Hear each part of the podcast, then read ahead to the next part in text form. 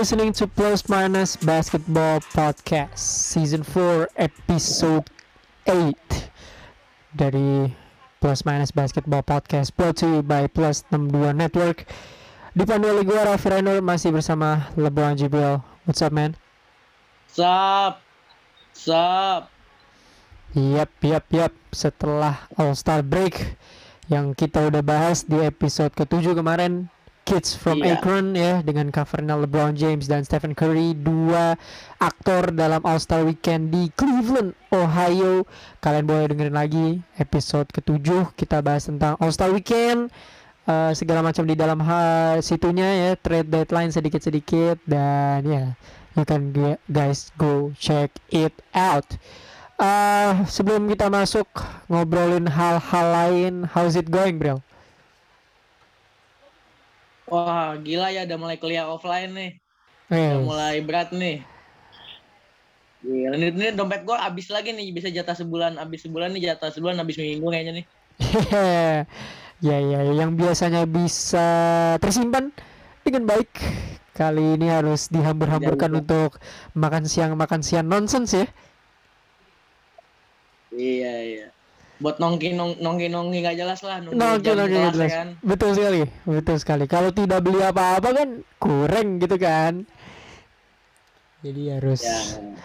ah, terpaksa membeli kurang sesuatu ya hanya untuk ah, gengsi mahasiswa kelas atas ya. Tapi ya selamat buat lo, lo semua yang ah, sudah kembali menjalankan new normal ya. Ini bahasa lama sih sebenarnya.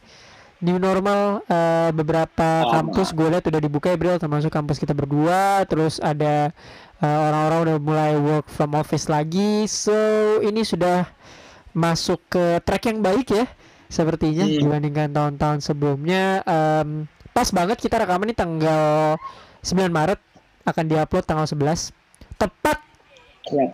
tepat 2 tahun setelah Rudy Gobert megang-megang mic yang membuat NBA disuspend ya. Eh, gue emang niatnya mau ngobrolin itu tapi sepertinya ada beberapa hal yang lebih menarik untuk diobrolin. Jadi eh, gue akan bikin untuk episode setelahnya tentang eh, what if ya. What if corona tidak terjadi? Apa yang akan terjadi di skena NBA ya? Karena kan sempat Iya. di suspend ya bro. Lama banget tuh. Sampai Ya. bubble. 4 bulan apa Eh, langsung disuspend hari itu juga ya. Syarat untuk Adam Silver buat lo semua yang ingat kejadian dua tahun yang lalu ya. Rudy Gobert megang-megang mic. Eh ya lo bisa cek lagi di YouTube YouTube ya hal-hal yang lucu-lucu itu. But uh, to start episode ke-8 as always uh, Jibril sudah mengkurasi gue dan Jibril sudah mengkurasi beberapa berita-berita menarik seputar bola basket mulai dari lokal dan Amerika ada berita apa aja nih Bril yang bisa ditawarkan di episode ini Oke, jadi ini ada satu berita ya yang ini gue belum baca juga sih. Ini coach Mike Krzyzewski menjalani pertandingan terakhirnya di kandang bersama Duke University. Di coach K yang sudah menjabat sebagai head coach dari Duke University ini sejak 1980 udah 22 tahun ya. Eh, Buset 32 32 tahun. tahun betul Eh. betul 42 tahun, bukan? oh iya Ah, no no no no eh iya Bril 42 tahun Bril hampir 50 tahun gila Jadi head dia jadi head coach di Duke itu semenjak 1980 kan. iya 42 Bener. tahun 22 Betul. tahun di head coach. Wah, gokil. Ini ini ini ini gua ini ini nanti, nanti akan gue bahas ya, tapi gue hitung dulu. Ini dia uh, achievementnya ada 5 national title, 12 kali Final Four, 15 kali turnamen ACC champion, 13 kali ACC regular season titles. Ini sebelum gue nanya ke lu nih kayak ya, ini pertanyaan simpel aja nih. Menurut lu apa yang dipikirkan oleh Coach K sehingga mau bertahan selama 42 tahun menjabat di menjabat sebagai head coach di Duke University karena kan menurut gua nggak akan selalu berjalan mulus ya pasti akan ada jatuh bangunnya juga tapi dia bisa bertahan selama 42 tahun dan menghasilkan segudang prestasi dan bukan cuma untuk Duke University juga ya dia juga menghasilkan tiga kali final Olimpiade untuk tim USA dan semuanya itu gold medalist Gold kayak medal, terakhir betul. kali itu 2012 Olimpiade Lon eh Olimpiade Beijing 2012 ya yang ada Olimpiade James. Rio terakhir 2016 dia. 2016 oh ya yang DeMarcus Cousins dan Ya, Davis betul. Irving ya. Menurut lu apa yang diras yang dirasakan dan dipikirkan oleh Coach K sehingga mau bertahan selama 42 tahun ngejabat ya? Meskipun kalau orangnya udah bosen sih, tapi dia bertahan selama 40 tahun dan how big is Coach K's influence to American basketball? Aduh ini model-model nyaman di kerjaan sih kata gue ya. Coach K ini be- bener-bener work dari hatinya mungkin ya Bel. mungkin dia namanya udah nyaman. eh, mungkin Aduh. gimana ya? eh mungkin kalau 42 tahun di NBA mungkin kita masih bisa oke that's good gitu ya 40 tahun 42 tahun tapi 42 tahun di college basketball ya, I don't know sistematika gaji dan segala macam tapi it's great sih ngelihat orang yang berdedikasi untuk bola basket dan menghabiskan waktunya ya kayak Coach K ini Iya. if I'm not mistaken dia umur 70 something ya kalau gua nggak salah jadi dia menghabiskan lebih dari setengah hidupnya untuk ngelatih Duke Blue Devils ya jadi menurut gue eh, keren banget sih eh, Coach K ini ya. Mungkin kalau lu yang terlalu familiar sama NBA, kayak lu nonton NBA tok gitu ya, eh, mungkin lu agak eh, rancu gitu dengan nama Mike Krzyzewski, Coach K. Tapi kalau lu tahu kayak tentang bola basket Amerika in general sih, ini nama coach ini udah harum banget lah di di di Amerika dia udah menghasilkan banyak pemainnya bro Eh, di Duke eh, kalau gua nggak salah itu banyak pemain ya not the not the world class player ya karena faktanya Duke University ini tidak pernah menghasilkan satupun most valuable player di eh, NBA tapi eh, pemain-pemain yang muncul tuh kayak Jason Tatum ya eh, Duke University kalau gua nggak salah Karl Anthony Towns juga Duke University Bam Adebayo juga Duke University eh, kalau Towns itu Kentucky, eh, Duke, kayak Kentucky kalau nggak salah ya. oh Kentucky ya? So ya. Jason Tatum. Ya? Bam Adebayo, Kyrie Irving ya, Kyrie Irving tarik ke belakang dikit. Ada JJ Redick ya, dia juga uh, Duke University, Em, siapa lagi ya? Rondo, Rondo tuh Kentucky apa, ah Kentucky sorry, Eh, ya pemain-pemain itu lah, Eh, lu pasti tahu kayak Duke University siapa aja, kalau gua nggak salah Grayson Allen ya, pemain paling kotor di NBA juga Duke. Zion, Zion Duke University juga kalau nggak salah ya. Oh, I forgot man, itu recent story? Iya iya. Duke juga kalau nggak salah ya. Iya, Zion Duke University, RJ Barrett sama Cam Reddish tuh ya salah satu eh, squad terkenal di tahun 2019 itu ya yang tidak menang apa-apa itu juga Duke University. Eh, tarik ke belakang lagi salah satu anggota 92 Dream Team yaitu Christian Leitner ya, salah satu college Ya. player terbaik kalau kalau lu tanya sama sama orang Amerika tuh katanya Chris Leitner tuh salah satu yang terbaik gitu. Di zamannya itu Christian Leitner main di Timberwolves ya. Dia juga alumni dari eh, Duke University. Jadi kayak Coach K itu udah merasakan nanganin pemain paling gampang ditanganin sampai pemain paling susah ditanganin, pemain paling eh, jago di college terus flop di NBA atau sebaliknya yang eh, grinding di NBA dan jago eh grinding di college dan jago di NBA dia udah pernah ngerasain maksud gua 42 tahun lu ketemu sama kayak ratus ribuan orang yang pernah lu tangani sih menurut gua eh, salut lah. Terutama di tim USA ya. Eh, jadi tim USA ini kan sebelum ditanganin coach K itu mereka sempat kalah memalukan tahun 2004 di Athena Olimpiade mereka kalah sama Argentina di semifinal coach K habis itu masuk untuk nanganin tim USA selama tiga Olimpiade dan guess what? Mereka eh, three straight gold medal. Eh, salah satunya squad iconic 2008 sama 2012 itu.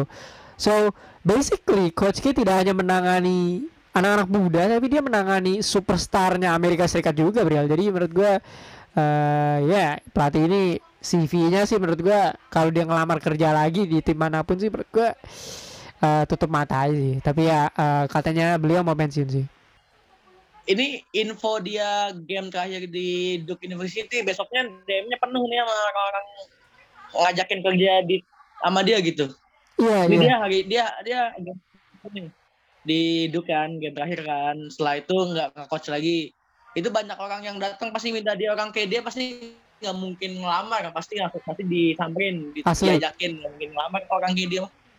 Parah nggak mungkin. Sama kayak pop aja lah. Dia kan levelnya sama kayak pop ya. Umurnya juga tipis-tipis mirip kan. Mungkin juga coach kayak ini lebih senior dari pop.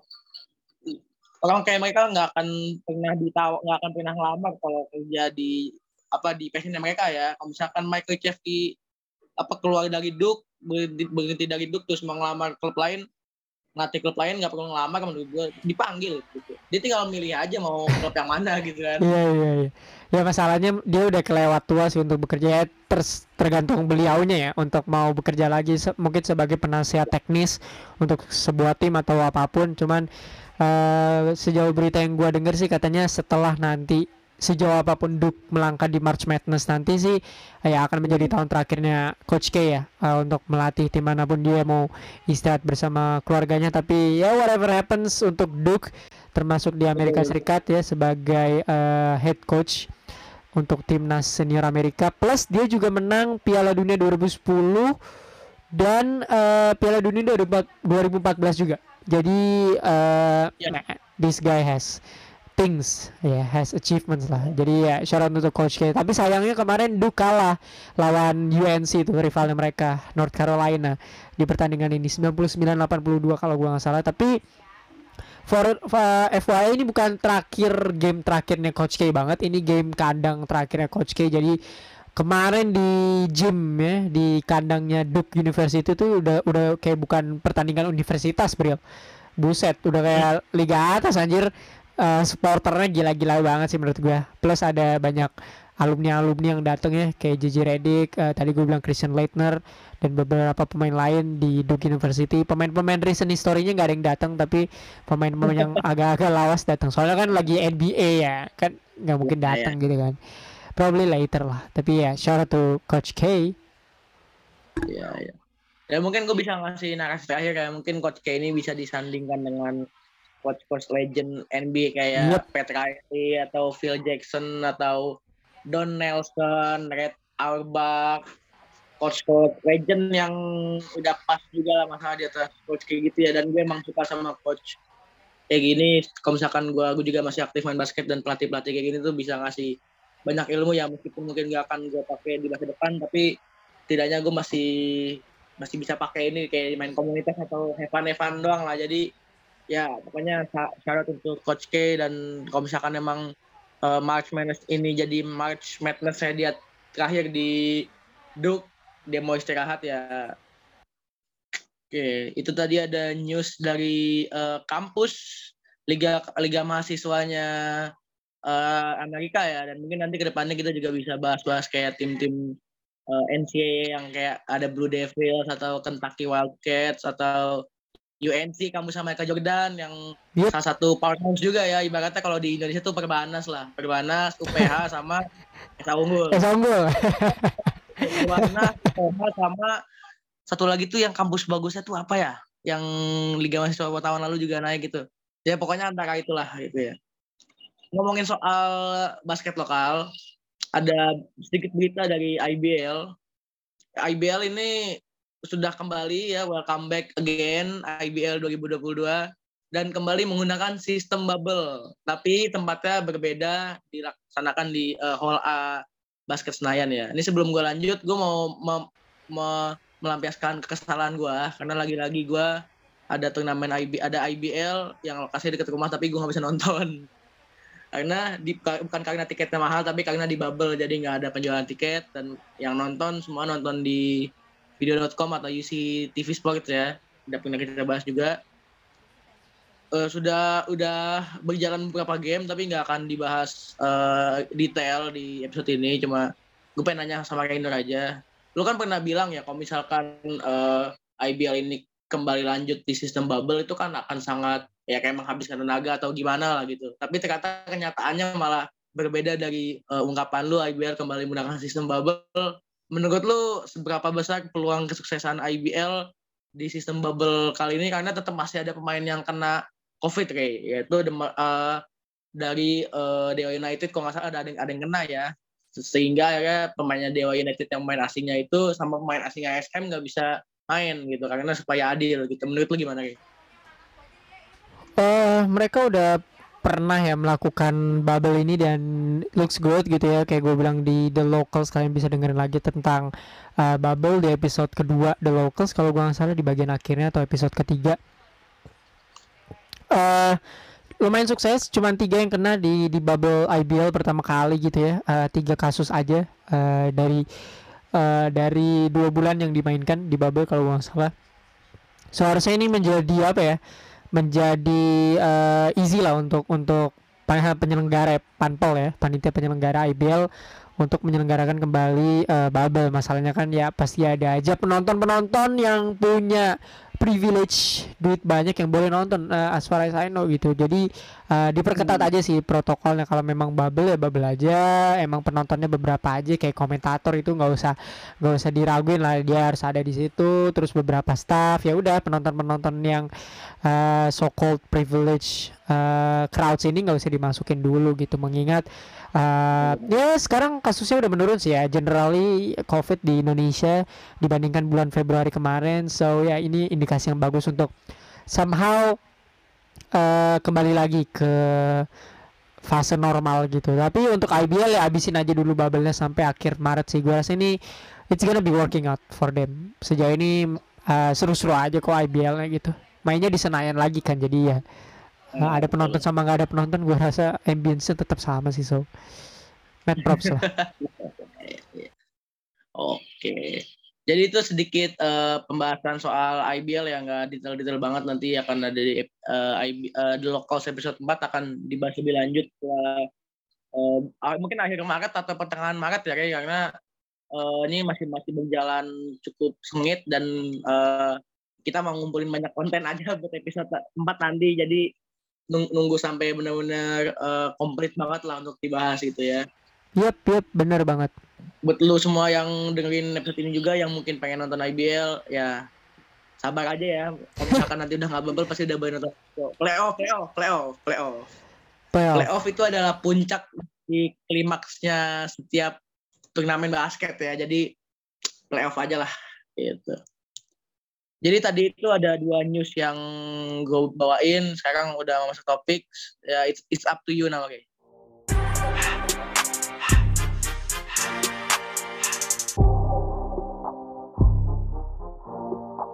Eh, itulah tadi dari news saya buat lo yang mau nonton IBL sabar dulu nanti tunggu aja di playoff. Eh, we will back di The Locals episode 4 minggu depan. Eh, satu minggu dari episode ini rilis. Eh, we will talk a lot about that. Jadi boleh ditunggu aja dan kalau mau dengerin The Locals yang episode sebelumnya boleh dengerin episode ketiga ya. Kita ngebahas tentang seri 1 Jakarta. Kita masuk ke topik eh di IBL main lagi di NBA udah mau playoff satu bulan seperti yang kita obrolin di episode sebelumnya ini playoff push ya pemain udah mulai gila-gila nih gue lihat-lihat ya. Uh, pemain-pemain dan tim-tim udah melakukan uh, push yang besar-besaran gitu. Ada yang acquire free agent gitu ya udah mulai beberapa Lakers nge-wave DeAndre Jordan ngambil DJ Augustin kabarnya DeAndre Jordan mau diambil Sixers and so on and so forth. Tapi salah satu cerita di pekan ini ya uh, mungkin gue bisa bilang di awal Maret ini adalah pemain-pemain meledak ya. Pemain-pemain superstar dan bahkan borderline all star ini meledak semua ya. Eh, mulai dari 40 sampai 50 poin ini pemain kayak berjamaah ya melakukan eh, hal ini gitu. So 50 points festive. Ini beberapa pemain mencetak 50 poin per eh, awal bulan Maret ini termasuk di pekan ini ya. Ada Jamoran uh, ada Jason Tatum, ada LeBron James dan paling terbaru ada Kyrie Irving. Ketika kita rekaman dia habis mencetak 50 bomb ke ke ke siapa ya? Ke Timberwolves if I'm not, if I'm not mistaken ya, Kyrie Irving. Mereka secara simultan mencetak 50 plus poin dimulai dari Jamoran mencetak career high 52 points if I'm not mistaken melawan eh, San Antonio Spurs di mana dia juga throwing down huge poster dan eh, mencetak tiga angka dari logo ya off balance shot dan segala macamnya. Itu di hari itu postingan NBA Jamoran semua if I'm not mistaken. LeBron James ya setelah itu following up with his season high 56 point melawan Golden State Warriors 6 of 8 from the 3 point line Uh, 56 ini menjadikan dia sebagai pemain tertua sejak Kobe Bryant 2016 yang mampu mencetak 55 plus poin dalam sebuah pertandingan. Uh, following up lagi oleh pemain yang gue bilang mengecewakan di mid season kemarin, Jason Tatum mencetak uh, 50 uh, 54 poin lawan Brooklyn Nets ya, minus Kevin Durant dan Kyrie Irving obviously.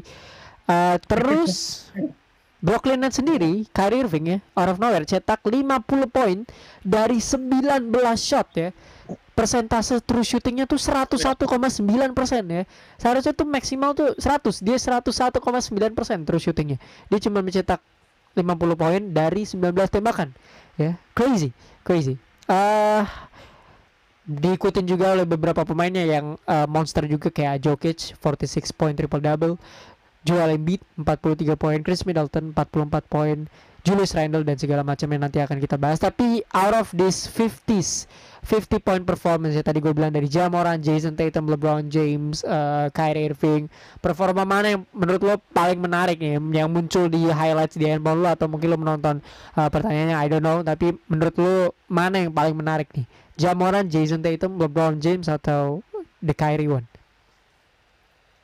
Uh, kalau buat gue jelas yang paling gue suka itu LeBron James ya 56 poin dan uh, kayaknya LeBron James itu termasuk salah satu pemain yang hampir di setiap musimnya itu dia nyetak 50 poin kayak dalam satu pertandingan bahkan mungkin dua game atau tiga game 50 plus poin dan dia sudah bermain selama 18 musim kalau nggak salah ya 19 koreksi 18 musim 19 main bro. di 19, 19 musim bro. ya. Hebat, satu musim lagi satu musim lagi rekor All Star dia bisa lebih dari Karim Abdul Jabbar dan mungkin memegang rekor pemain dengan All Star terbanyak yaitu 20.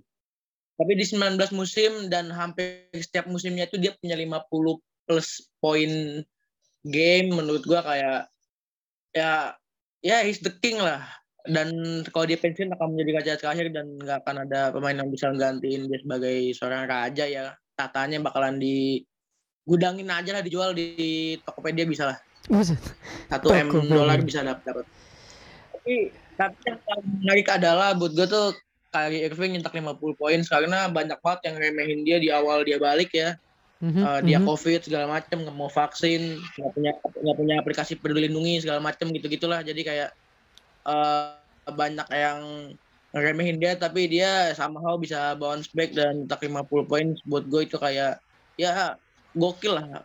Maksudnya kalau misalkan kayak Jason Tatum, Jamoran itu kan dia kan nggak punya beban mental yang datang dari fans secara maksudnya diejek-ejekin atau digunakan atau jadi bahkan dijadiin meme di Instagram ya. Sedangkan Kyrie kan kayak di benar-benar kayak dijadiin di- benar-benar kayak jadi badut dunia gitu. Selama satu bulan dua bulan karena nggak mau vaksin karena nggak menghargai pekerjaan yang udah dia punya tapi dia bisa ya bounce back untuk 50 poin buat gue itu lebih matter sih maksudnya sebagai lu seorang lu seorang sebagai manusia bisa memanfaatkan kesempatan yang udah lo dapat ya karena belum tentu lo akan dapat kesempatan kedua dan Kyrie Irving sudah membuktikan itu gitu gitu gokil sih ya maksudnya nggak ada nggak ada juga kan Kyrie bakal 50 poin sekarang mah pengennya kayak KD yang 50 poin Iya, eh, so efficient bro dari 19 shot. Tapi sebelum gua um, ngobrolin tentang Kyrie, let's talk about LeBron first ya sedikit. Eh, 56 poin, 10 rebound, 3 assist, eh, 19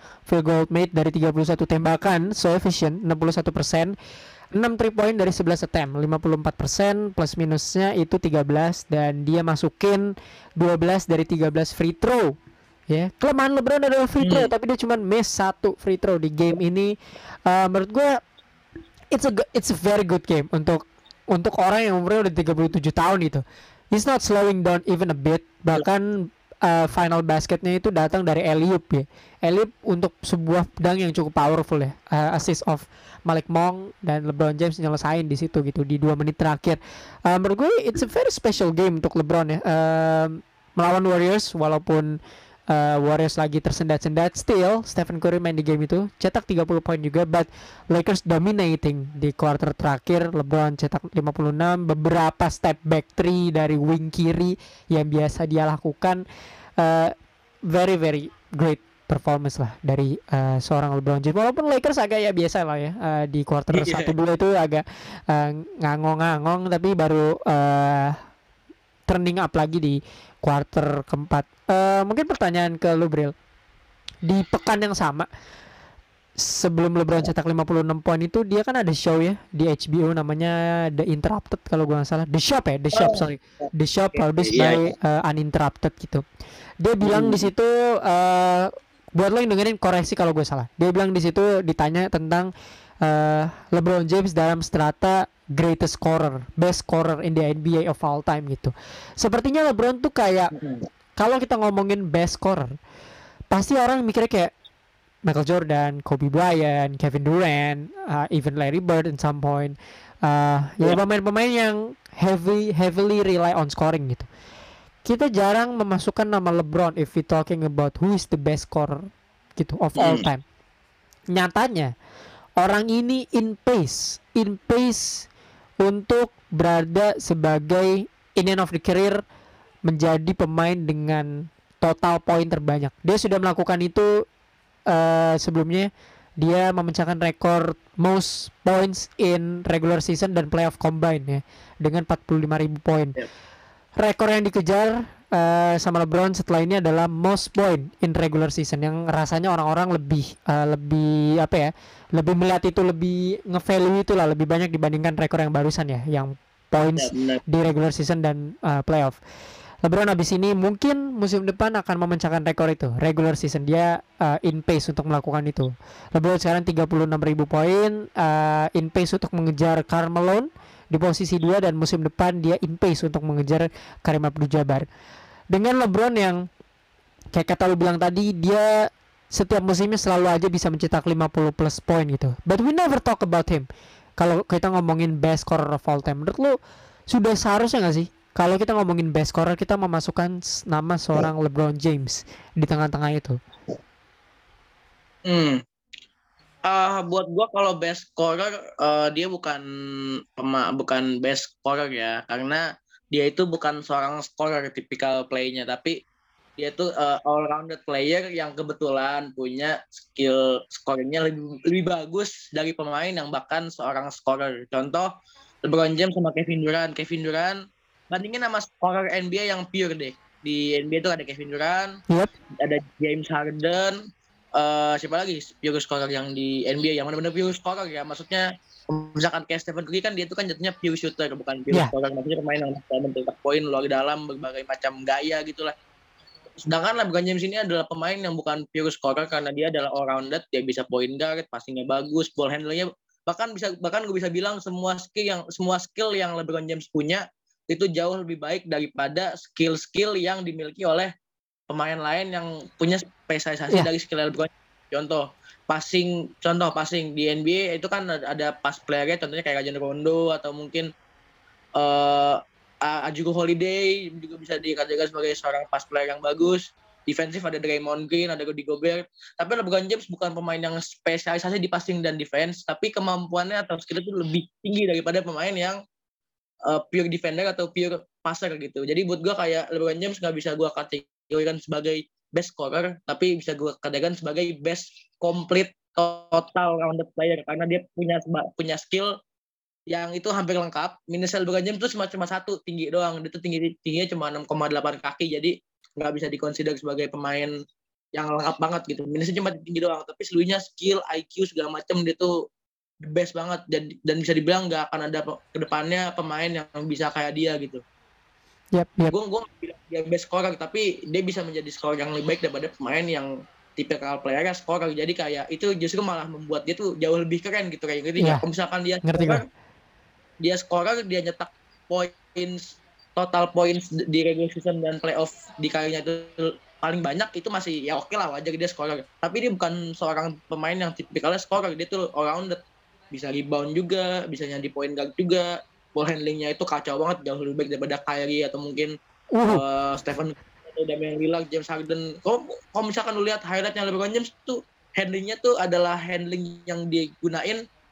Yang kebanyakan orang-orang tuh nggak nyangka dia tuh bisa ngelakuin handling itu gitu nggak? Kayak di 2018 dia bisa ngolongin kakinya Tristan Thompson waktu lawan Sixers. Dan itu dia tuh ngelakuin itu nggak intensional mau ngolongin Tristan Thompson. Padahal Tristan Thompson ngasih dia tuh ngasih screen buat dia tuh biar dia bisa lewat. Tapi dia bisa lewat di tengah-tengahnya Tristan Thompson sama pemain Sixers dan bolanya tuh lewat kolong. Buat gua pemain bahkan seorang buat handler model Trey Young itu pun nggak akan bisa ngakuin hal itu jadi kayak buat dia bisa menjadi pemain dengan uh, total points regular season dan playoff combine selama karir dia itu paling banyak. Dan 45 ribu ya nggak mungkin bisa ada ke depannya pemain yang bisa ngalahin kayak kayak dia kan nggak mungkin. Soalnya kan di playoff mulu kan. Buat gua kayak eh, dia bisa ngakuin itu dan dia bukan seorang scorer bukan pemain dengan tipikal scorer itu yang bikin itu jadi lebih hebat lagi gitu. Ya he's the king lah. He's tuan the king. Nggak ada yang bisa ngelewatin rekor itu ke depan ke depannya but Yap, yap, yap. Uh, gua rasa kita cukupkan sesi masturbasinya Jibril ya di sini. Tapi ya, ini, ini. Kalau episode lalu mah gue udah gak peduli sama dia, tapi sekarang kayak ya main kayak dia lah sekali-sekali. Memberi memberikan flowersnya sedikit ya tapi I have to agree. Mungkin orang-orang ya gua gua ngerti sih kenapa orang-orang tidak memasukkan LeBron dalam conversation itu karena dia bukanlah so called tadi lu bilang pure scorer ya. He's not scoring like this every single time gitu. Dia dia dia occasionally aja gitu. Kalau emang dia mau scoring dia scoring. Kalau dia mau assist dia assist. Kalau dia mau triple double monster triple double performance dia lakuin itu. So I don't know what if LeBron James itu adalah pure scorer? Menurut gua it will be it will be crazy sih. Dia scoring at will aja. Dia kan dia pernah bilang tahun 2014 pas banget di bulan yang sama ketika dia mencetak 61 poin. Pas ditanya kenapa sih lu Bron nggak nggak cetak 50 plus poin kayak pemain-pemain lain? Gitu. Dia bilang kalau gue dikasih kesempatan nge-shoot sebanyak mereka gue akan mencetak poin yang lebih banyak sama mereka gitu. Dan dia lakuin itu di bulan itu di tanggal 8 Maret kalau nggak salah tahun 2014 lawan Charlotte Hor Bobcats ya. Yeah. LeBron cetak 61 yeah. poin dari 33 shot gitu. Jadi LeBron ini kalau emang dikasih tasnya untuk nyekor dia bisa nyekor sebanyak itu ngerti nggak? Jadi uh, he's crazy man. He's crazy. Termasuk tahun 2018 ya playoff runnya di mana dia uh, averaging like 34 points per game gitu ya. He's crazy 2018 playoff itu dia 40 poin, 10 rebound, 10 assist kalau nggak salah 40 poin triple double di playoff. Bangsat gitu. Jadi emang orang ini tuh tidak apa ya? Arsenal tuh itu banyak banget gitu. Jadi orang-orang tuh bingung apakah kita mau menjaga pemain lain karena dia akan kick out atau uh, doing the pass gitu karena kan dia LeBron sendiri kan yang consider dia sebagai pass first player gitu. Tapi nyatanya dia juga bisa scoring at will gitu dan efisien juga gitu. Kayak kita lihat tadi dia uh, scoring above 60% gitu. Jadi menurut gue uh, LeBron James ini benar-benar adalah seorang pemain paling komplit kalau kita bilang di skena NBA uh, eh, sepanjang masa gitu. 56 poin di usia 37 poin eh di, di di usia 37 tahun menurut gue it's crazy man. It's crazy that he still can do this gitu bukan apa ya bukan bukan movementnya kalau lu lihat lagi lawan Warriors itu bukan kayak orang usia 37 tahun gitu. Ini kayak kita nonton LeBron James tahun 2018 17 16 gitu movementnya is still the same guy gitu loh. Cuman emang uh, movementnya agak slow sedikit tapi karena IQ basketball yang sangat hebat itu ya Bril. Jadi dia bisa memaintain uh, segala situasi gitu. Um, shout out for LeBron ya walaupun Lakers masih losing record tapi we'll see apakah Zero Dark 3023 playoff mode akan di unleash sama LeBron we'll see about that. Faktanya dia main di center di game ini karena kan Draymond Green cedera jadi dia bisa masuk ke dalam lebih mudah kan. LeBron tuh ketika main di center buat Lakers musim ini dia gamenya selalu gila sih. He always score like above 27 points in a game. Dia selalu cetak kayak 30 34 ya. Bahkan LeBron James di musim ini adalah top 2 scorer.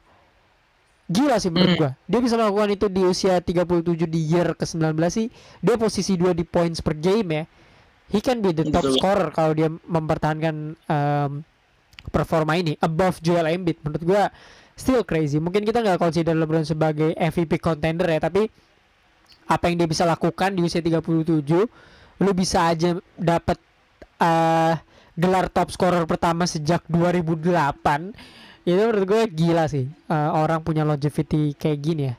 Uh, let's move on. Ya tadi kayak kita udah bahas sedikit Kyrie Irving 50 poin uh, out of nowhere. Actually dia bisa mencetak kayak gini ya karena seperti yang kita tahu Kyrie uh, bermain cuman di away game misalnya ini sorry tadi gue ngomong Timberwolves ini lawan Charlotte Hornets ternyata uh, Kyrie Irving cetak 50 poin 3 rebound 6 assist Uh, 78% dari lapangan ya. Dia cuma shot 19 masuk 15, 9 3 point dari 12 percobaan 75%. Kyrie juga menjadi pemain dengan plus minus terbaik terbaik di game ini dengan 14. Uh, seberapa menyeramkan bre menurut lo kalau Kyrie Irving mandat vaksinasinya udah dicabut so dia bisa main di home uh, game bersama Brooklyn? menurut gua uh, akan pasti akan jadi lebih lebih oke okay lah ya mainnya maksudnya uh, di home cuma kan uh, kayak ini kan bukan pemain yang modelannya kayak misalkan main di home bagus kalau di away jelek sih jadi buat ah. gua kayak uh, mungkin nggak akan jauh berbeda kalau dia main di home hmm. yang penting kemudiannya itu yang harus dihilangin sih karena kan isu yang selalu dikaitkan sama dia kan itu kan kemudian ya ya nggak ya. jauh beda kayak James Harden atau Ben Simmons lah mudinya tuh kayak ah ngambekan anak manja gitu jadi kayak kalau dia bisa ngontrol mudinya dan sekali-sekali memikirkan hal yang lebih uh, besar daripada cuma sekedar ngambekan itu jadi dia bisa nggak bisa ngasih effort yang baik untuk Nets menurut gue karena Nets sekarang juga lagi jatuh kan yeah. Ya. uh, kalah kalah musuh jadi uh, ya lu tuh lu maksud gue dia kan salah satu jagoan juga ya dia juga harus sadar kalau keberadaannya di Nets itu bukan cuma sekedar mengisi kekosongan tapi emang dibutuh emang dibutuhkan sama orang-orang jadi emang dibutuhkan sama pemain dan juga pelatih jadi uh, dia harus bisa mengontrol mudinya supaya nggak uh, mengganggu performa dia dia dia udah pemain terbaik buat gua kayak malah menurut gua dia yang harusnya masuk uh, NBA 75 bukannya Damian Lillard karena dia exactly. punya jadi buat gua kayak dia harus harus lebih ya ngontrol kemudian dulu aja sih menurut hal-hal kecil kayak gitu yang harus diperbaiki lah. Exactly. Betul sekali. Kayak masa iya mau masukin orang yang cuma menang Mickey Mouse MVP tapi ya udahlah. MVP apa itu Mickey Mouse MVP kayak kayak secara college dan impact jelas kayak Irving menurut gue jauh lebih baik lah daripada Damian Lillard dan ya.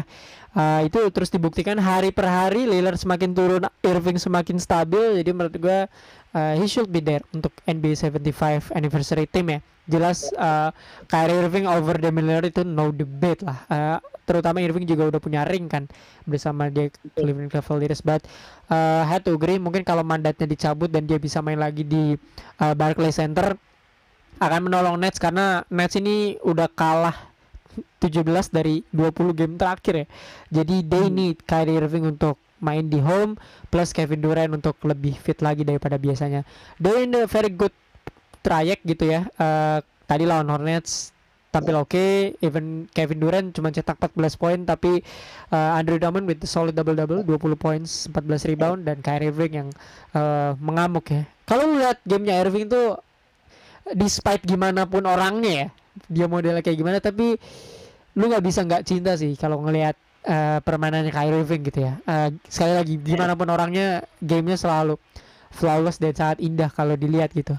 Uh, he he been doing this for like ages gitu. Jadi menurut gua uh, lu kalau yang belum nonton Irving dan cuma membenci aja just watch the game lu bisa lu bisa yeah. mentolerir apa yang telah dia lakukan di balik di balik lapangan lah uh, it's obvious Oke, okay. Yeah, yeah. dari satu point guard ke point guard lain, uh, Jamoran ya, lagi-lagi kita membahas pemain ini. Uh, kemarin lawan Spurs, tanggal 28 Februari, memang sudah agak outdated, tapi let's talk about it sedikit. Dia cetak 52 poin, career high untuk seorang uh, Jamoran. Kalau nggak salah ini pertama kali dia cetak 50 poin, if I'm not mistaken. 52 poin, 7 rebound, 2 assist. Uh, 73% of the field 4 3 point dari 4 attempts ya. Uh, untuk pemain yang tidak terkenal sebagai a very good shooter menurut gue ini uh, salah satu performa yang cukup baik dari dia. Uh, plus minus tertinggi kedua di pertandingan ini 23 melawan Spurs. Sebelum melawan Spurs dia juga cetak 46 poin melawan Chicago Bulls. So this guy is amazing man. Uh, mungkin dia nggak MVP contender banget but ya what he did is amazing sih. Menurut gua kalau dia bisa consistently kalau kita ngomong tentang shooting ya menurut gua it's crazy man, it's gonna be crazy. Karena kan isunya Jamoran orang-orang yang suka ngelihat dia sebelah mata adalah kemampuan shootingnya dia kan. So uh, kalau dia bisa mengatasi itu sih menurut gua this guy is gonna be uh, crazy ya. Uh, Grizzlies on pace untuk finish di posisi kedua karena mereka cuma beda 1,5 game di belakangnya Warriors. Warriors lagi slump banget. Uh, jadi gue akan heran sih kalau mereka bisa naik di atasnya Warriors ya. Posisi kedua, it's gonna be great for them. Ini menjadi seat tertingginya mereka sejak 2014 kalau gue nggak salah mereka terakhir di top 3 seat in the West. Uh, another guy yang cetak 50 poin adalah pemain paling mengecewakan versi saya di midseason kemarin Jason Tatum mencetak 54 poin, 5 rebound, 3 assist. 16 per 30 from the field 53% dan 8 3 point dari 15 attempt 14 free throw dari 17 attempt 82% dan plus minusnya tertinggi di game melawan Brooklyn Nets 120 126 yang dimenangkan oleh Celtics di uh, TD Garden ya di Celtics Arena. Celtics nih kemarin gue rekaman sama Tripit Basketball mereka bilang Celtics sudah menang 14 dari 16 game terakhir. Uh, mereka on pace untuk finish di posisi top 5 or even top 3 in the East.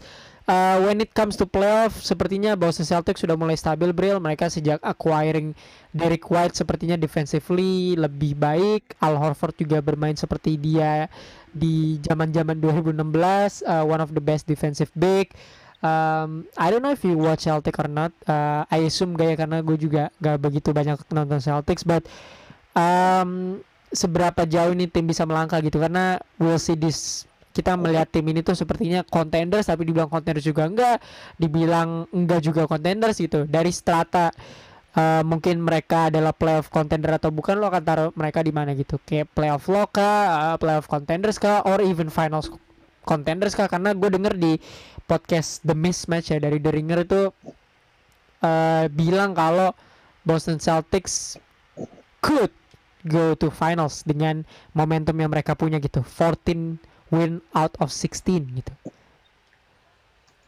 Ah buat gue kayak ya playoff vlog bisa di eh, dia bisa gue kategorikan sebagai playoff vlog sih ya menurut gue ya. Karena uh, sekarang dia uh, Celtics itu peringkat tiga ya kalau nggak salah ya peringkat empat. Uh, wait wait. Biar gue cek di standings di wait di East itu nomor satu still uh, Miami sejauh ini Celtics masih nomor 5 tapi perbedaan dia dengan posisi 2 Sixers itu cuma beda dua game. Hmm, jadi masih uh, masih uh, kesempatannya kesempatannya untuk naik uh, peringkat itu terbuka lebar lah ya maksudnya untuk bisa naik ke peringkat tiga atau empat karena kan kalau nggak salah lawan di atas itu Cleveland sama Bulls. Bulls ya. Cleveland ya bisa lah tipis-tipis lewatin karena lebih uh, karena Celtics itu punya lebih banyak star player dibandingkan Cavaliers. Tapi buat gue yang bikin gue heran itu ternyata uh, Al Horford itu masih bertahan di Celtics ya.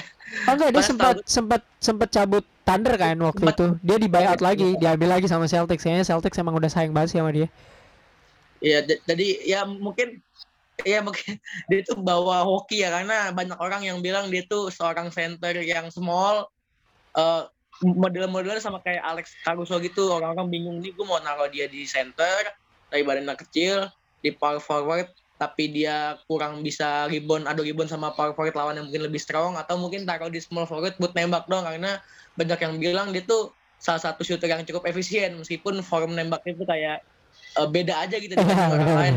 Benar-benar. Ya punya, punya cara yang unik sendiri lah gitu. Tapi buat gua kayak uh, Celtics sekarang uh, bounce back banget ya sama kayak Raptors ya memulai season dengan sangat buruk tapi mid season setelah All justru malah muncul di permukaan gitu sedangkan tim-tim yang ya kayak Wizards gitu-gitu udah mulai jatuh lah. Wizards kan sekarang peringkat 9 kalau nggak salah ya lagi yang record juga ya. Jadi kayak uh, ya Celtic sempat datang kembali di the big league semenjak zamannya Isaiah Thomas dan juga Jalen Brown, Jack Crowder ya. Ya best of luck lah buat Celtics musim ini gitu. Yap, yap uh, kalau posisinya sama sampai nanti playoff mereka akan lawan seed 4 Chicago Bulls. I think it's gonna be a very great matchup sih antara dua tim ini ya karena dua tim ini uh, tergolong masih muda. Ya kalau kita kesampingin nama DeRozan ya, tapi um, it will be a very great matchup sih antara Bulls dan uh, Boston Celtics. Karena menurut gue kalau kita ngomongin seat yang agak lebih atas, if you talking about the Heat, the Bucks, the Sixers, gue agak skeptis sih Celtics bisa melewati mereka. Hmm. Tapi kalau first roundnya mereka melawan Bulls, it will be great matchup sih. Dan menurut gue dengan momentum yang mereka punya uh, sekarang ya mereka punya win streak sebanyak ini. Mereka lagi oke. Okay. Jason Tatum menembak lebih konsisten. Defense-nya juga one of the best in the league right now. Gue nggak tahu secara ratingnya berapa ya tapi one of the best in the league right now. Uh, mereka bisa sih melewati Bulls ya. Asumsi Caruso dan Ball belum begitu sehat ya nanti di playoff. Uh, karena kan isunya Bulls ya tentang defense. Mereka nggak punya uh, apa perimeter defender yang oke okay sejauh ini selain Ayo Dosunmu tapi kalau mereka matching up sekarang hari ini banget di playoff gotta say Celtics bisa melewati Bulls. Masalahnya di second roundnya kemungkinan mereka akan ketemu sesuai bagian sekarang. Adalah Miami Heat dan Brooklyn Nets ya. Nomor satu dan nomor 8 it's gonna be good matchup juga. Jadi it's not easy sih untuk Celtics ya. Kalau mereka bener-bener mau banget ke final. Karena kan momentum itu penting. Mereka punya momen salah satu momentum terbaik di NBA musim ini. Ya we'll see about that nanti ya soal Celtics itu pemain-pemain yang cetak uh, yang cetak 50 plus poin ada ada juga pemain-pemain yang cetak yang lagi hot banget lah. Uh, kayak Jokic ya beberapa hari lalu cetak 46 points triple double ya ini bukan pertama kali Jokic melakukan ini uh, kalau nggak salah dia juga pernah cetak 46 points triple double juga di musim ini. Uh, gue lupa in in what particular game setelah dia cetak 46 poin triple double dia following up lagi dengan 32 poin triple double. This guy is crazy man. Mad crazy sih menurut gue uh, agak-agak gila dikit ya orang ini ya. Uh, selain yeah. selain Jokic tuh di area yang sama kalau gua nggak salah Julius Randle out of nowhere bisa bisa mengamuk gitu ya. Setelah game sebelumnya dia cetak cuma 10 poin Randall tuh ngamuk hmm. lawan Kings ya di mana Knicks menang 131 115 Randall cetak career high 46 poin 10 rebound 2 assist gitu ya. Uh, dan cetak 8 8 3 point bangsat. Untuk setter 8 3 point tuh banyak banget. Terus Randall cetak 46 poin. Ada juga yang cetak career high dari East juga yaitu Darius Garland ya. Cetak 41 poin 5 rebound 13 assist 2 steal dari 4 3 point ya uh, melawan Indiana Pacers di mana eh, it's a very close game. Mereka cuma menang divisi 3 angka. Uh, Darius Garland menjadi pemain dengan plus minus terbesar di game ini 18 ya. Uh, crazy crazy. Out of nowhere loh. Cetak 41 poin, 13 assist no. Darius Garland dengan pemain ini tingginya tuh di bawah 6 ka 6 kaki 3 inci sih menurut gue dia bisa cetak 41 poin tuh very great mungkin gua nggak ngomongin pemain-pemain lainnya Chris Middleton juga sempat cetak 44 poin juga out of nowhere jadi ini pemain-pemain lagi lagi panas banget lah bisa dibilang. Termasuk termasuk dua dua apa ya dua uh, main karakter dalam perebutan most valuable player musim ini. Tadi gue udah singgung tentang satu pemain ya Nikola Jokic. Uh, pemain yang lagi super gila super sakit tahun ini uh, in a very good way jelas uh, eh, gue ngomongnya.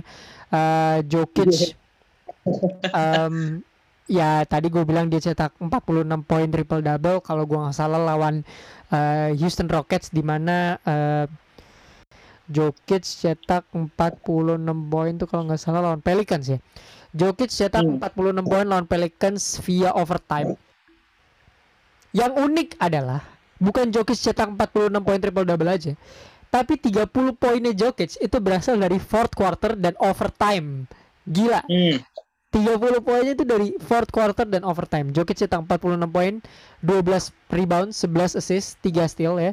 4 block. Gila loh. Hmm. Statsnya benar-benar gemuk banget ya, bisa gue bilang. Dia melakukan ini melawan Pelicans, uh, plus minusnya 22 terbesar di laga ini.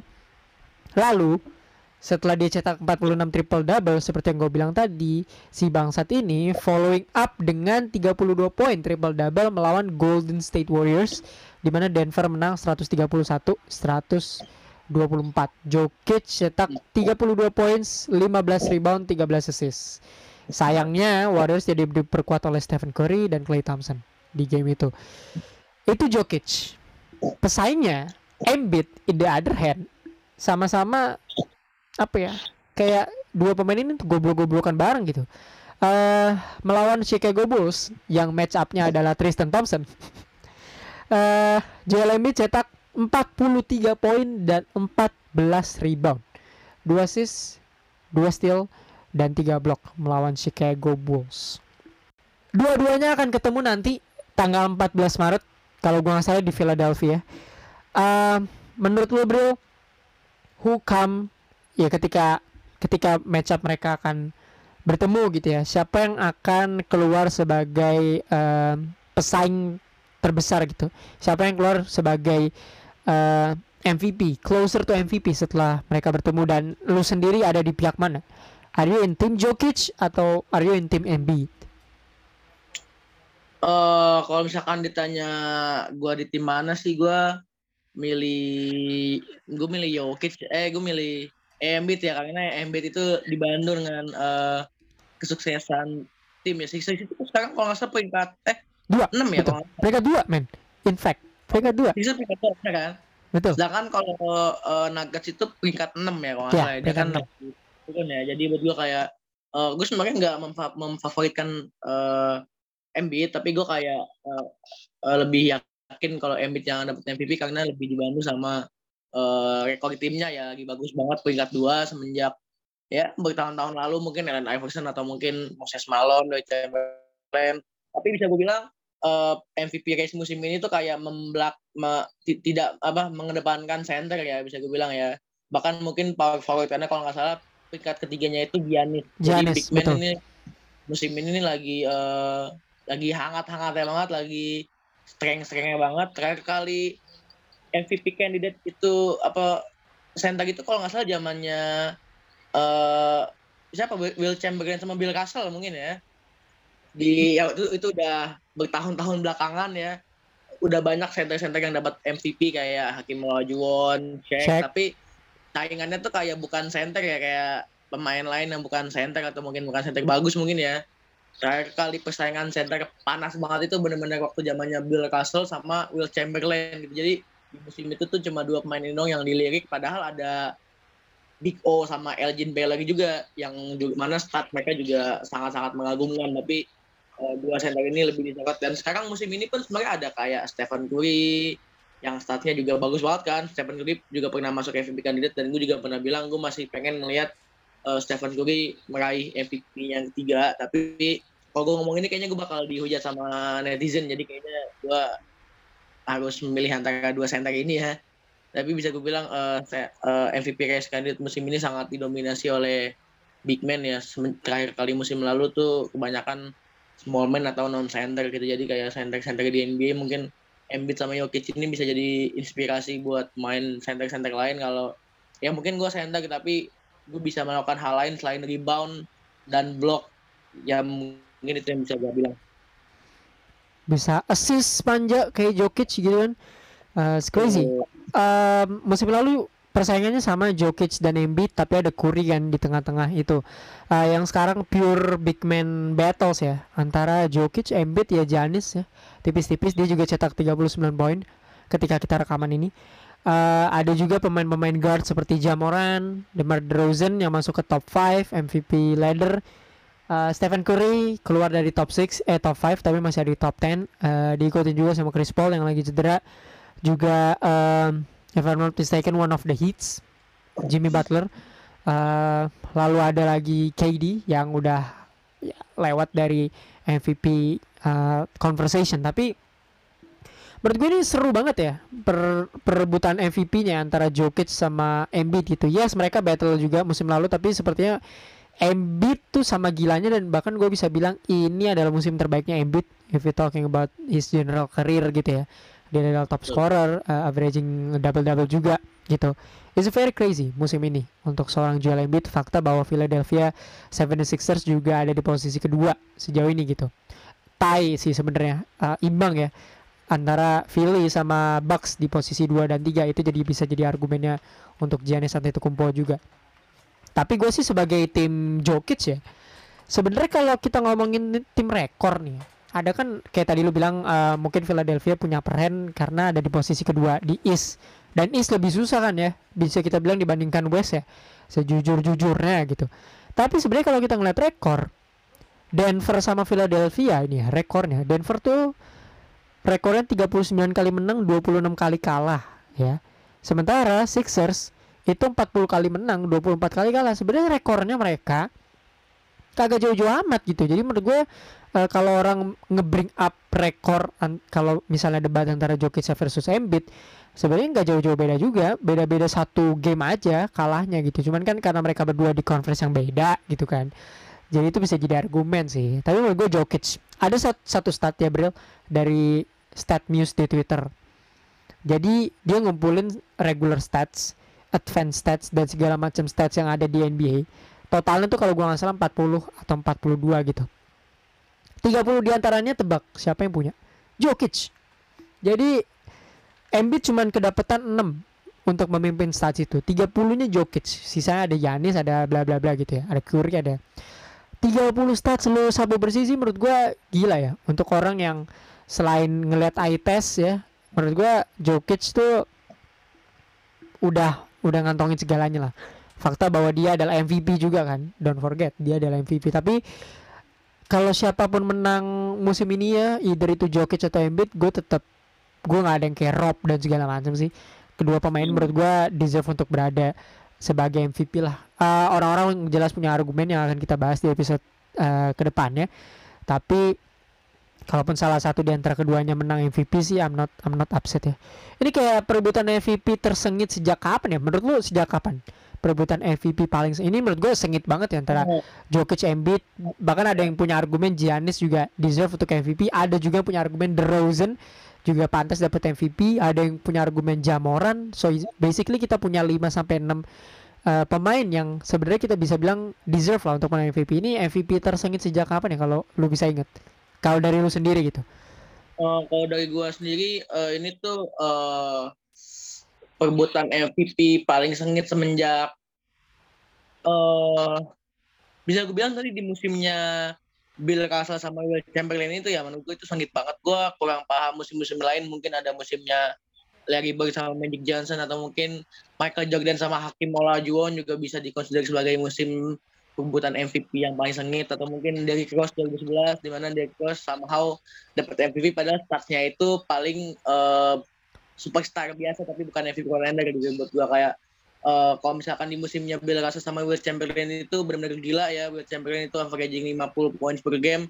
uh, dua uh, 20 seki, 20 sekian rebounds per game. Bill Russell averaging 18 points per game 22 rebounds per game dan juga 4 block 4 blocks per game Oscar Robertson itu averaging 30 points double double kalau nggak salah. Eh triple, triple double, double. betul triple double dan Elgin Baylor itu mencetak 36 points per game. Jadi buat gua kayak uh, yang sengit-sengit banget itu benar-benar musimnya yang empat orang tadi ya buat gue dan dan mungkin musim ini juga bisa dikonsider sebagai musim perebutan MVP yang paling yang sangat sengit terutama uh, big man big man mendominasi ya. Mungkin bisa gue bilang yang comes up short untuk uh, bisa bisa menyaingi mereka itu cuma Stephen Curry karena statsnya paling statsnya paling mendekati dan mereka punya paling bagus lagi peringkat dua sekarang kan Warriors kan ya kalau nggak salah ya. Masih masih tetap peringkat dua masih belum turun ya kalau nggak salah ya masih juga ya, lagi lagi turun banget sih. Lagi turun banget. I'm not even consider Curry sih sebagai MVP contender karena dia agak selam sedikit di 2022 uh, ah, I, I understand I understand. Tapi di awal di awal maksud gue di awal musim everybody pick Curry sampai gue everybody pick Curry karena dia di 2022 ini agak agak drop down aja sih bukan agak sih lebih ya, agak down jadi dia kenok dari uh, top 5. Ada juga yang bilang DeMar DeRozan. Waktu itu DeRozan tuh 7 game berturut-turut cetak 35 plus poin. Itu betul, betul, betul. Dia menjadi pemain pertama sejak Will Chamberlain yang bisa melakukan itu. Gue jarang banget ada di era modern ini ya. Ada orang yang bisa setara atau mencahin rekornya Will Chamberlain gitu loh.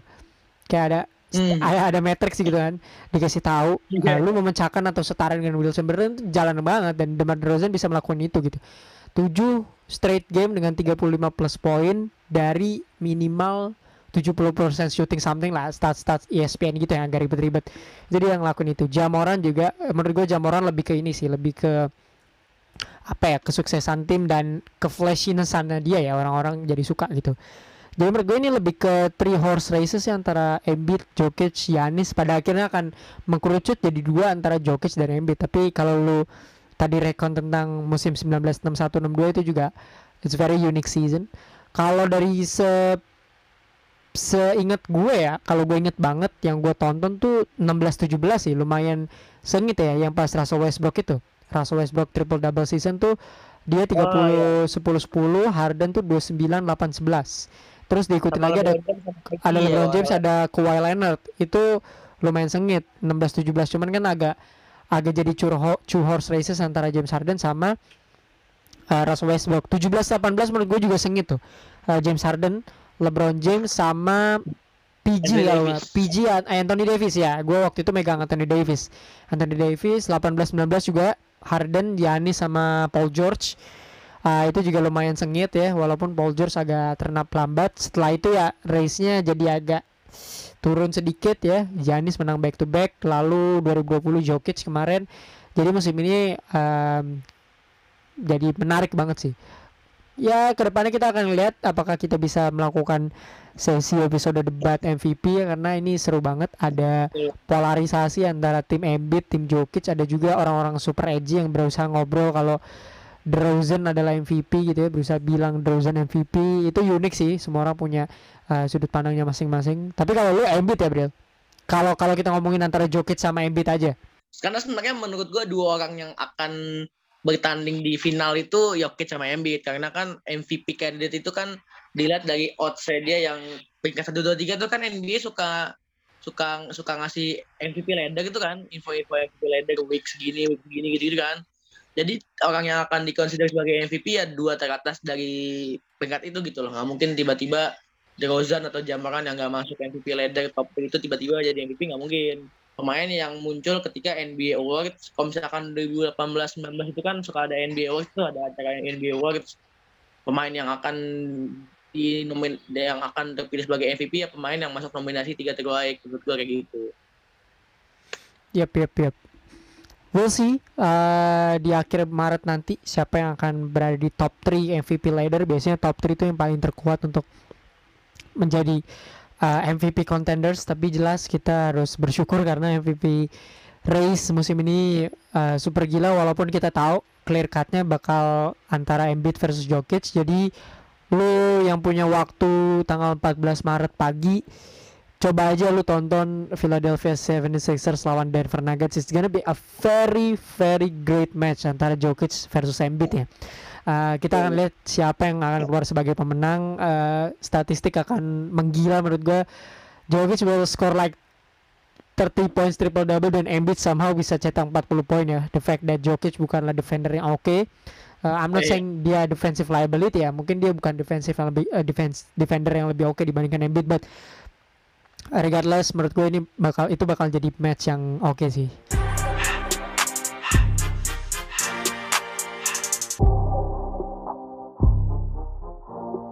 jadi tadi kita udah nyinggung nama-nama lawas ya ada Will Chamberlain, ada Bill Russell, ada beberapa rekor-rekor yang tadi kita obrolin. eh kalian bisa cek di IG-nya plus minus ya. Waktu itu eh, kita upload tentang unbreakable NBA records. Kenapa di post seperti itu? Karena bertepatan sama 60 tahunnya Will Chamberlain cetak 100 poin.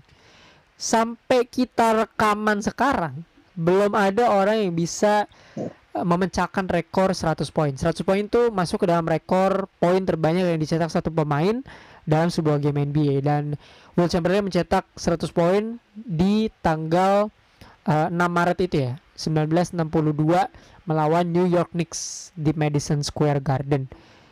Setelah itu paling dekat yang pernah kita lihat mendekati 100 poinnya Will Chamberlain adalah Kobe Bryant Ya, di 81. Januari 2006 81 poin betul melawan Toronto Raptors. Itu the Sama- closest the closest one.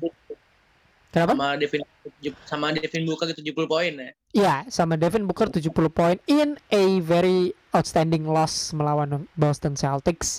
Itu the closest one yang bisa kita lihat mendekati lah for at least uh, rekornya Will Chamberlain. Tapi sampai sekarang belum pernah kita melihat uh, orang memecahkan rekornya Will Chamberlain. Tapi jika Anda berpikir Will Chamberlain hanya memegang satu rekor itu, Anda salah. Karena bisa kita bilang hampir ya lebih dari 30% rekornya Will Chamberlain eh rekornya NBA itu ada nama Will Chamberlain sebagai yang megang rekor itu. Ada banyak lah rekor poin per game terbanyak eh, di NBA dalam satu musim dipegang oleh Will Chamberlain. Rekor total poin terbanyak kalau gua nggak salah bisa satu musim dipegang oleh Will Chamberlain. Rekor Betul. skor scoring scoring tuh dipegang sama Will Chamberlain juga. Rebounds Betul. per game terbanyak dalam satu musim dipegang sama Will Chamberlain juga. Jadi Will Chamberlain tuh memegang banyak rekor. Tapi sebelum kita ngomongin rekor, eh, lu sendiri gimana ngelihat seorang Will Chamberlain? Jelas kita berdua sebagai orang milenial tuh nggak pernah nonton Will Chamberlain. Bahkan ketika kita lahir mungkin Will Chamberlain sudah tidak ada di dunia ini. Tapi eh, sampai sekarang tuh nama Will Chamberlain selalu dibicarakan, terutama kalau ngomongin rekor, kalau ngomongin pemain lawas yang pengen lu tonton di masa sekarang, pasti orang ngomong Will Chamberlain.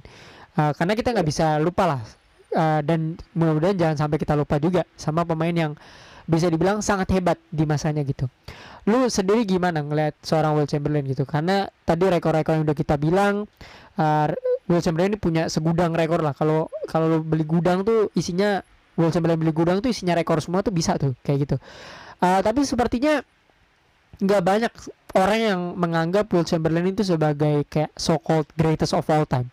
Kalau gua lempar nama siapa NBA greatest of all time ke orang di luar orang pasti bakal ngomong Michael Jordan, LeBron Ya. James, Kareem Abdul-Jabbar, Magic Johnson, Larry Bird, uh, even kita bisa masukin argumen untuk Stephen Curry. Tapi a- a- atau bahkan rival Will Chamberlain sendiri, Bill Russell gitu. Tapi Hmm. jarang banget orang gua mendengar kayak masukin nama Will Chamberlain sebagai greatest of all time gitu. Ya how do you, how do you see about um, melihat seorang Will Chamberlain gitu? Eh, buat gue Will Chamberlain salah satu pemain yang harus yang sangat eh, dikonsider sebagai eh ya mau kalau GOAT mungkin enggak ya karena bisa dibilang dia me- apa me- mendapatkan semua achievement itu dengan sangat mudah ya. Gue udah pernah beberapa kali nonton highlight highlight dan dia tuh kayak mendominasi banget dan buat gue kayak ya kalau lu mau jadi yang terbaik lu nggak bisa cuma mencetak hal-hal luar biasa tapi kerja apa cara lo mendapatkannya kan juga luar biasa ya kayak Michael Jordan atau mungkin LeBron James, Kobe Bryant. Ma- Will Chamberlain itu mence- mencetak hal-hal seperti itu kayak gampang banget kayak cuma tinggal apa memejamkan mata terus tiba-tiba 50 poin. Cuma tinggal pakai sepatu 50 poin. Cuma tinggal letek-letekin jaga 50 poin. Jadi buat gue kayak eh, it's too easy for him gitu. It was too easy for him dan eh ada banyak hal-hal yang Will Chamberlain gagal raih kayak eh, total points, eh, total career points, terus juga rings dan juga MVP juga ada hal-hal yang nggak bisa eh, Will Chamberlain raih jadi itu yang buat gue kayak kenapa gue nggak bisa mengconsider dia sebagai eh, greatest of all time karena kebanyakan rekornya dia itu itu stats sorry, bukan achievement bukan accomplishment dia buat gue gitu. Yap. Ya, ya, ya. Gue juga bisa setuju. Walaupun ada argumen kayak kenapa Will Chamberlain tidak dikonsider sebagai greatest of all time, Bril, karena pesaingnya. Orang-orang bilang kayak eh, Will Chamberlain ini melawan pegawai-pegawai Walmart atau di masa lalu gitu. Menurut gue itu argumen yang nggak adil ya. Maksudnya ya bukan salah dia kalau lawannya lebih kecil daripada dia gitu dan dia lebih baik secara fisik ya.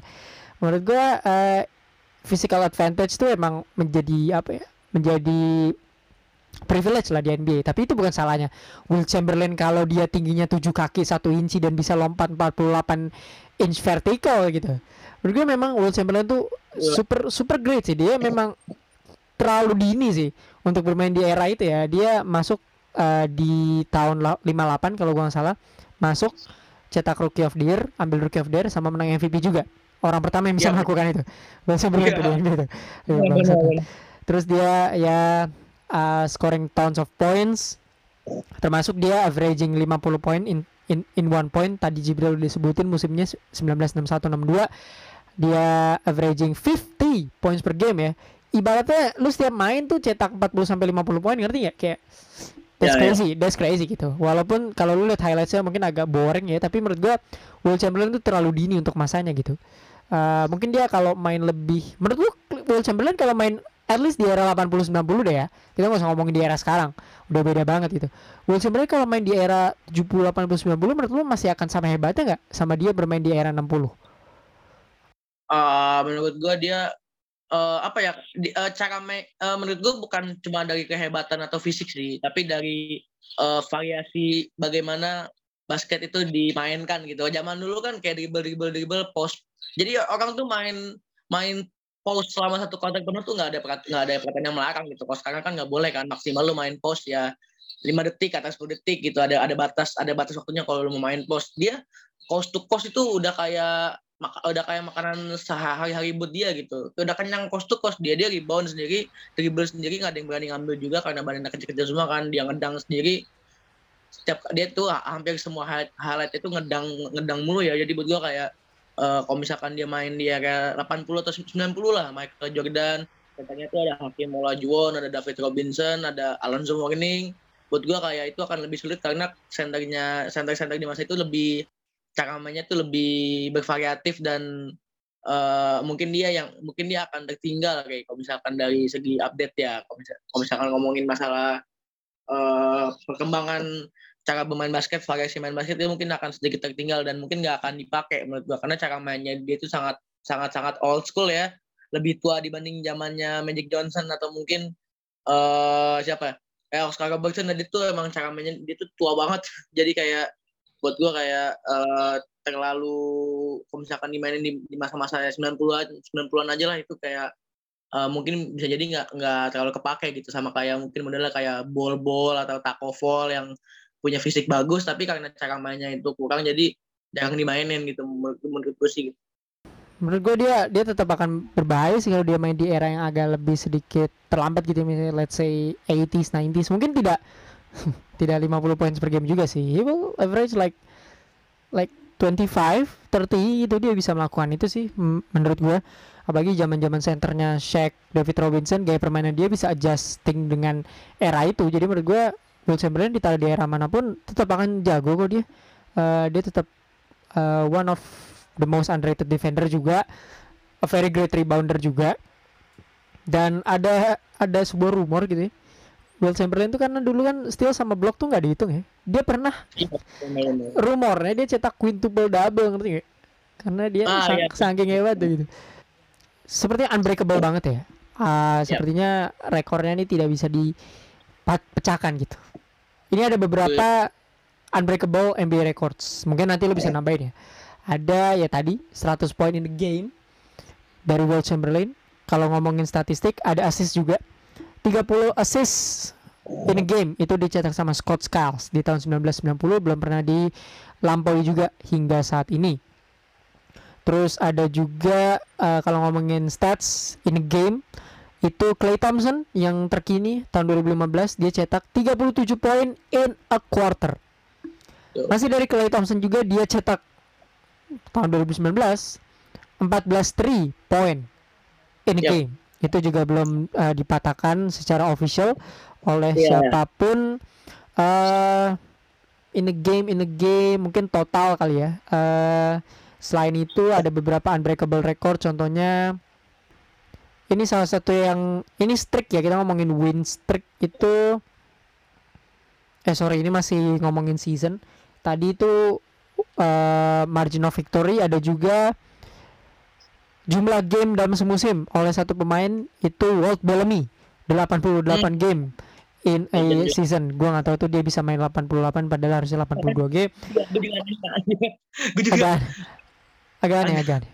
Terus ada lagi uh, ini karirnya total total game consecutive gameplay per, uh, game secara berturut-turut dimainkan oleh AC Green 1192 game tanpa absen ya.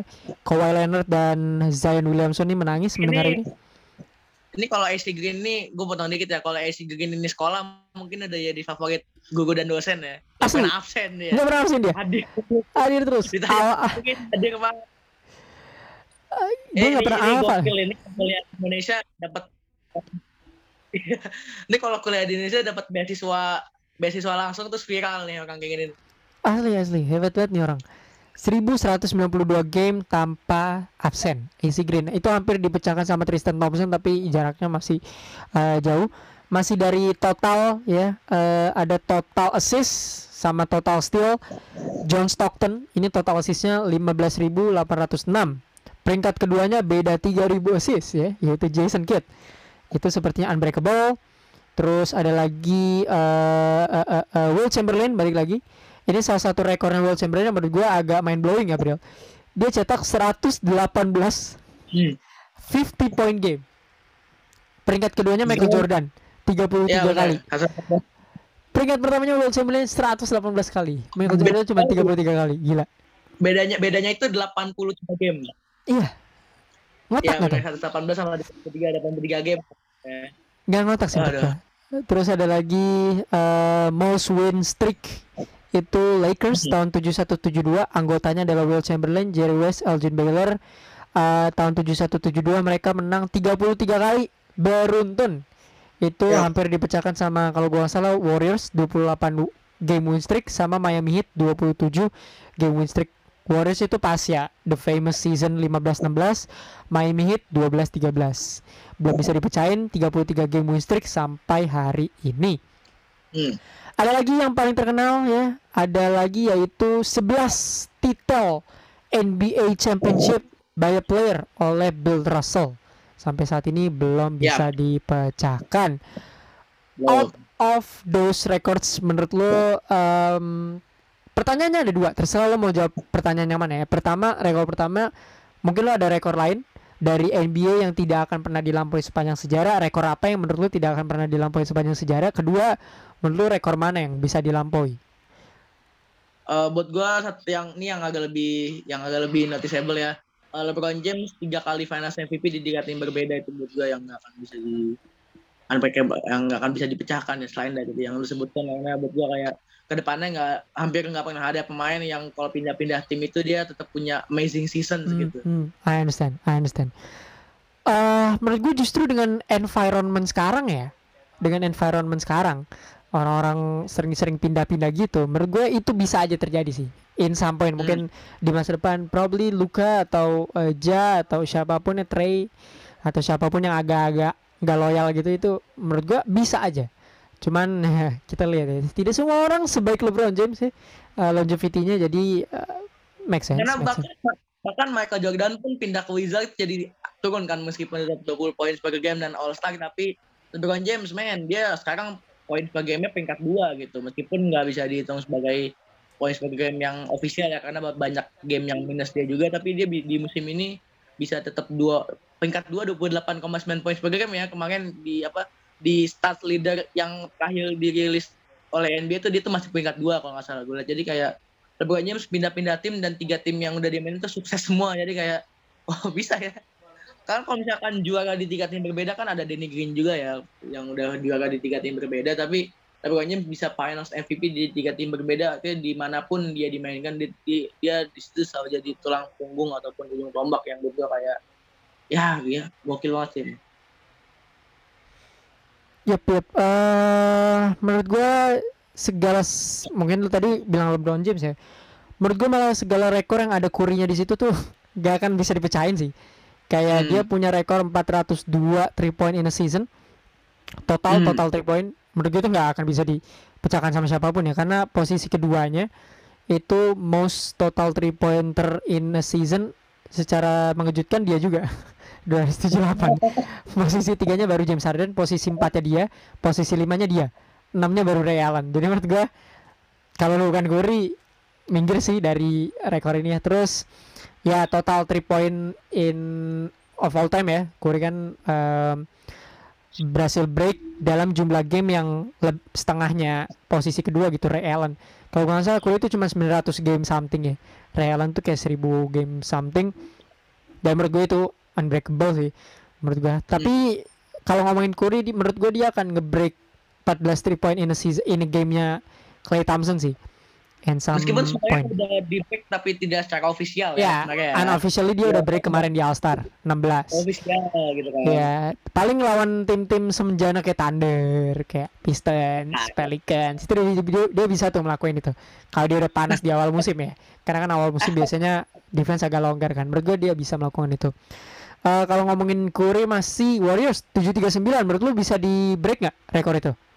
Oh ya itu juga salah satu rekor yang menurut gua nggak akan bisa di break ya karena zaman sekarang eh, pemain-pemain itu kayak udah kayak ngikutin Giannis gitu lebih fokus ke playoff. Jadi intinya mereka bisa masuk playoff dulu. Jadi Uh, karena sebenarnya buktinya adalah tujuh tiga sembilannya Warriors itu kalah kayak. Jadi buat gue kayak mungkin pelatih pelatih juga ya lu nggak perlu nyetak rekor menang banyak di regular season yang penting lu playoff sukses dan dapat cincin dapat piala juara gitu berdua. Karena tujuh tiga sembilan itu kan sebuah kegagalan ya bisa dibilang ya. Mereka tujuh tiga sembilan di 2016 regular season tapi playoffnya di comeback tiga satu. Jadi buat gue kayak gue sendiri pun ngeliat itu kayak ya sia-sia dong menang tujuh tiga sembilan dan mencari rekor yang mereka Jordan tapi di playoffnya lu malah jadi tim pertama yang dibantai di final secara tiga game berturut-turut setelah sebelumnya lu menang tiga satu gitu. Jadi kayak ya, ya membantu iya begitulah iya jadi jadi nggak akan ada yang bisa memecahkan rekor gitu. Tapi kalaupun ada gue kayak ya lu mau ngikutin eh,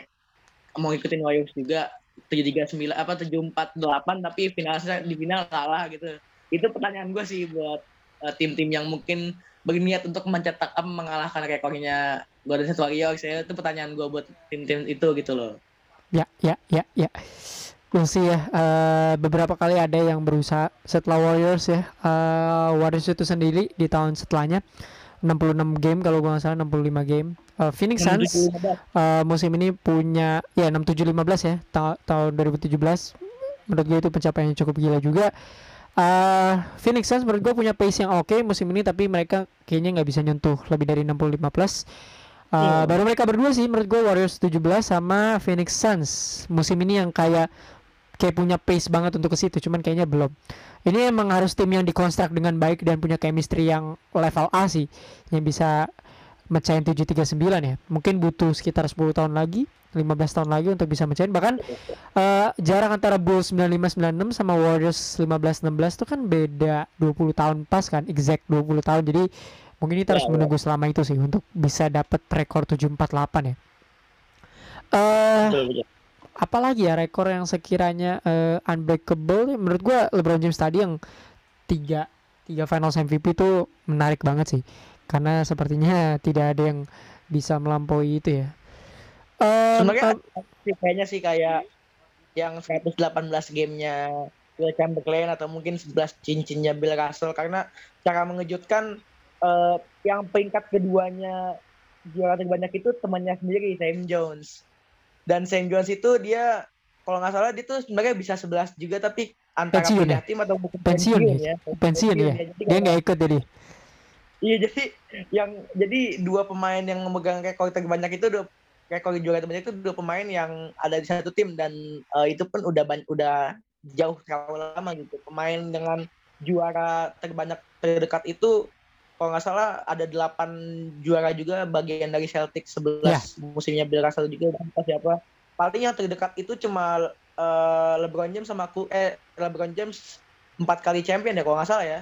Iya kalau yang aktif ya, Curry, yang ya? yang aktif tuh LeBron empat, uh, Curry tiga Patrick McCall tiga jangan lupa ya itu itu yang paling paling paling dekat si Clay Draymond tapi kalau yang the latest ya yang mungkin setelah era-era itu Robert Horry sih tujuh ya itu dia hmm. yang yang paling dekat kita bisa lihat Jordan 6 Pippen 6 itu sih paling yang bisa kita uh, ini ya yang paling dekat di era-era modern Robert Horry 7 itu menurut gua agak aneh sih tapi oke okay, we carry on um, ada satu yang komen nih di podcast plus minus di postingan itu Russell hmm. Westbrook hmm. triple double menurut lo akan bisa dilampaui nggak? Dia kan uh, oh.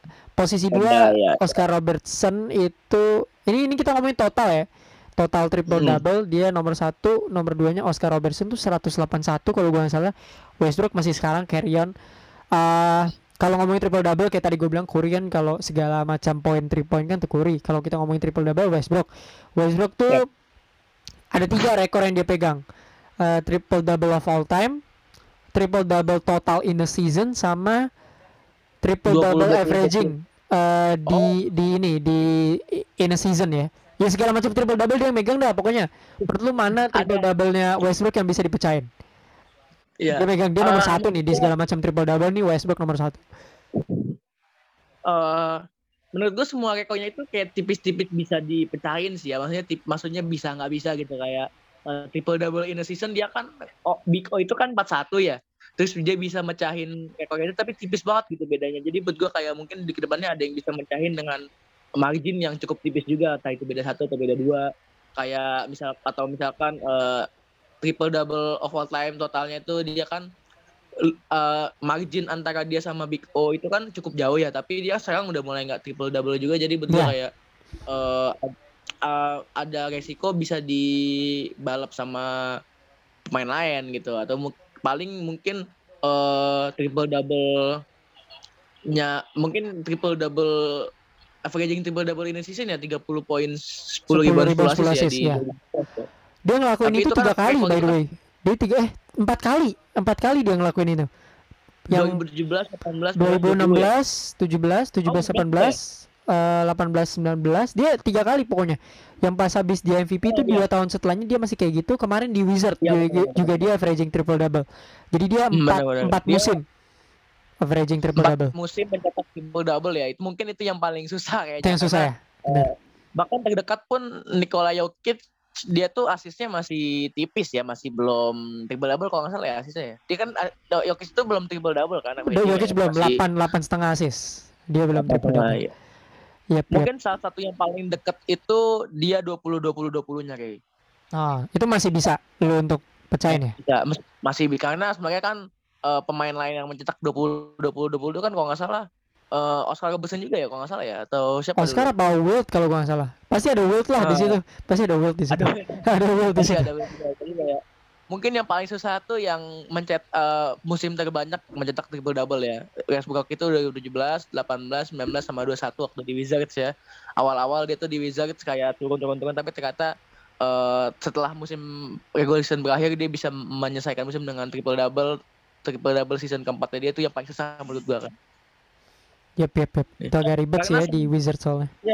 Karena semenjak triple double Westbrook itu tapi dia gagal meraih banyak achievement, banyak pemain kayak ah gue nggak usah triple double lah yang penting tim gue menang gitu. Itu Iya, iya, iya. Itu dia. Jadi uh, bisa aja rekornya dia stay still sih menurut gua. Tapi yang breakable gue setuju sama lo yang soal total triple double of all time itu menurut gua masih bisa dilampaui sama dua pemain menurut gua. Doncic atau Jokic. Itu itu mereka Ah. berdua paling make sense untuk setidaknya mungkin kalau nggak bisa Westbrook mereka ada di top 3 by the end of their career ya. Karena Doncic nih Doncic nih baru mulai kan ya karirnya. Dia langsung udah ada di top 10 dong.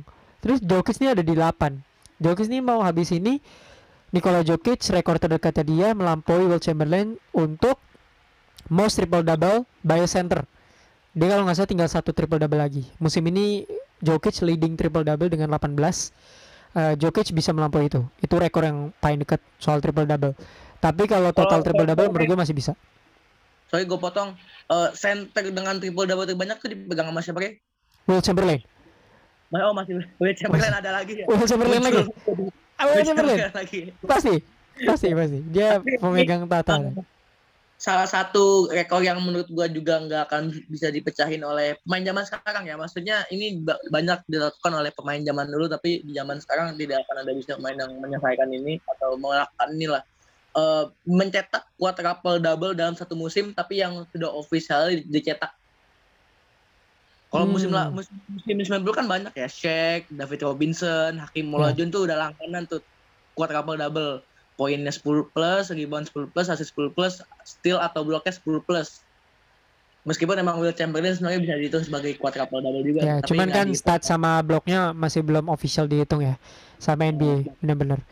Ya itu susah Iya. sih menurut gue ini game itu ya ini game dalam satu game ya itu agak sulit Iya. sih itu agak sulit. Terakhir eh, orang melakukan itu kalau gue salah Hakim Hakim tuh dua kali eh, quadruple double terus ada Nate Thurman pertama kali dia melakukan itu David Robinson Em, yang paling close tuh Draymond Green waktu itu ya dia yang cetak triple double tanpa poin Em, empat poin Oh, iya. Eh, tapi triple double-nya didapat dari rebound, assist sama steal. Dia bisa ya melakukan itu sih menurut gua. Eh, probably quadruple double agak susah. Gua nggak tahu ada apakah ada orang yang pernah melakukan tu- quintuple ya yang kelima statistik itu. Setahu gua nggak ada. Tapi kayaknya itu itu lumayan lumayan sulit ya untuk stuff the shit. Um, Oh. Probably itu dari episode yang cukup panjang dari kita eh, di episode ke-8 ini. Comment down sekali lagi di podcast plus minus. Siapa yang lu dukung? Jokic, Embiid untuk MVP. Mana rekor NBA yang unbreakable dan mana rekor NBA yang soon to be breakable? Menurut lo gue receive banyak comments di plus minus tentang Westbrook tentang beberapa rekor-rekor bau dan rekor-rekor bagus lainnya. Follow kita di at podcast plus minus di Instagram to interact with us or to know the updates about our podcast.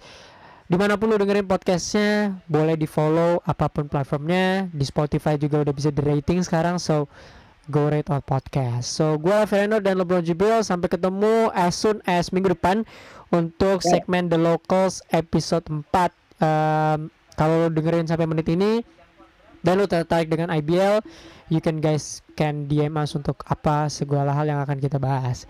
Seputar regular season kita akan kembali sekitar quite a long time kecuali ada sesuatu yang lebih wow kita akan kembali di episode 9 so stay tune dan follow di mana pun lo dengerin podcastnya. Gue Fernando dan LeBron Jibril see you guys in the next episode.